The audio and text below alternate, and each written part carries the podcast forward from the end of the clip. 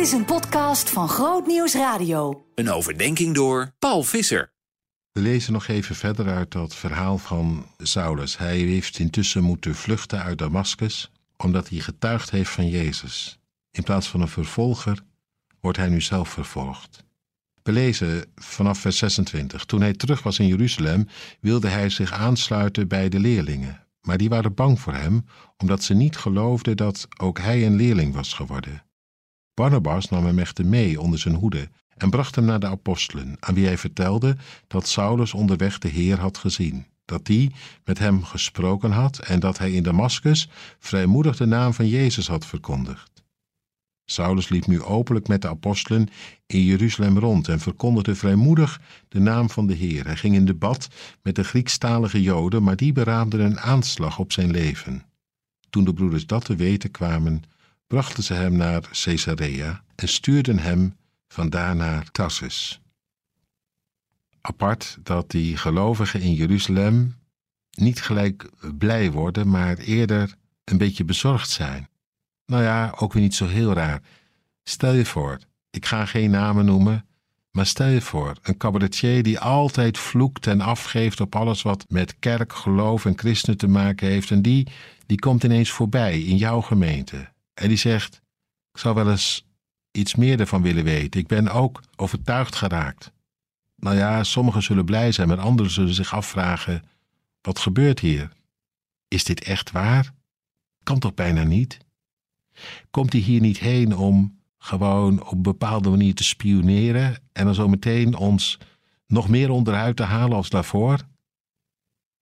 Dus zo raar is die reactie niet.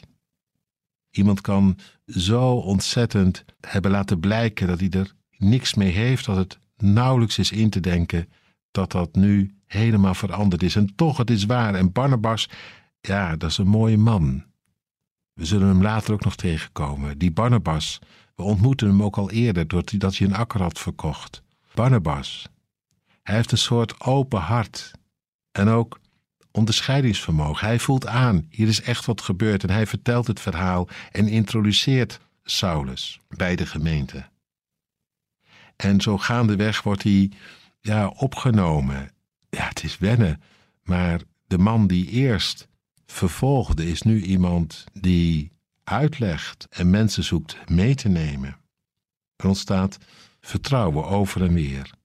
Mooi hoe hij zich ook richt hier op de Grieks sprekende Joden, hij die zelf vloeiend Grieks sprak. Maar juist in die ontmoeting wordt hij gewaar dat er opnieuw verzet komt. Ze laten zich niet overtuigen, beramen een aanslag.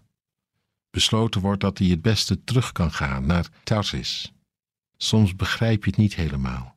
Je zou denken, uitverkoren en dan elke keer tegen dit verzet oplopen, ja, en toch.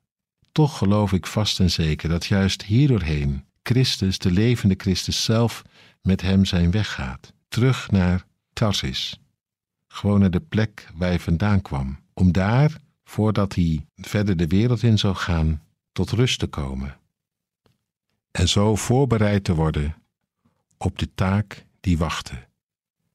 Die lag uiteindelijk niet in Jeruzalem, maar elders Soms kan het gebeuren, ook in jou en mijn leven, dat je het even niet snapt, dat het elke keer vast lijkt te lopen. Intussen mogen we weten dat Hij, de levende Christus, zelf met ons zijn weg gaat en ons brengt op de plek waar Hij ons het beste gebruiken kan. En soms is dat om te beginnen gewoon even terug naar huis.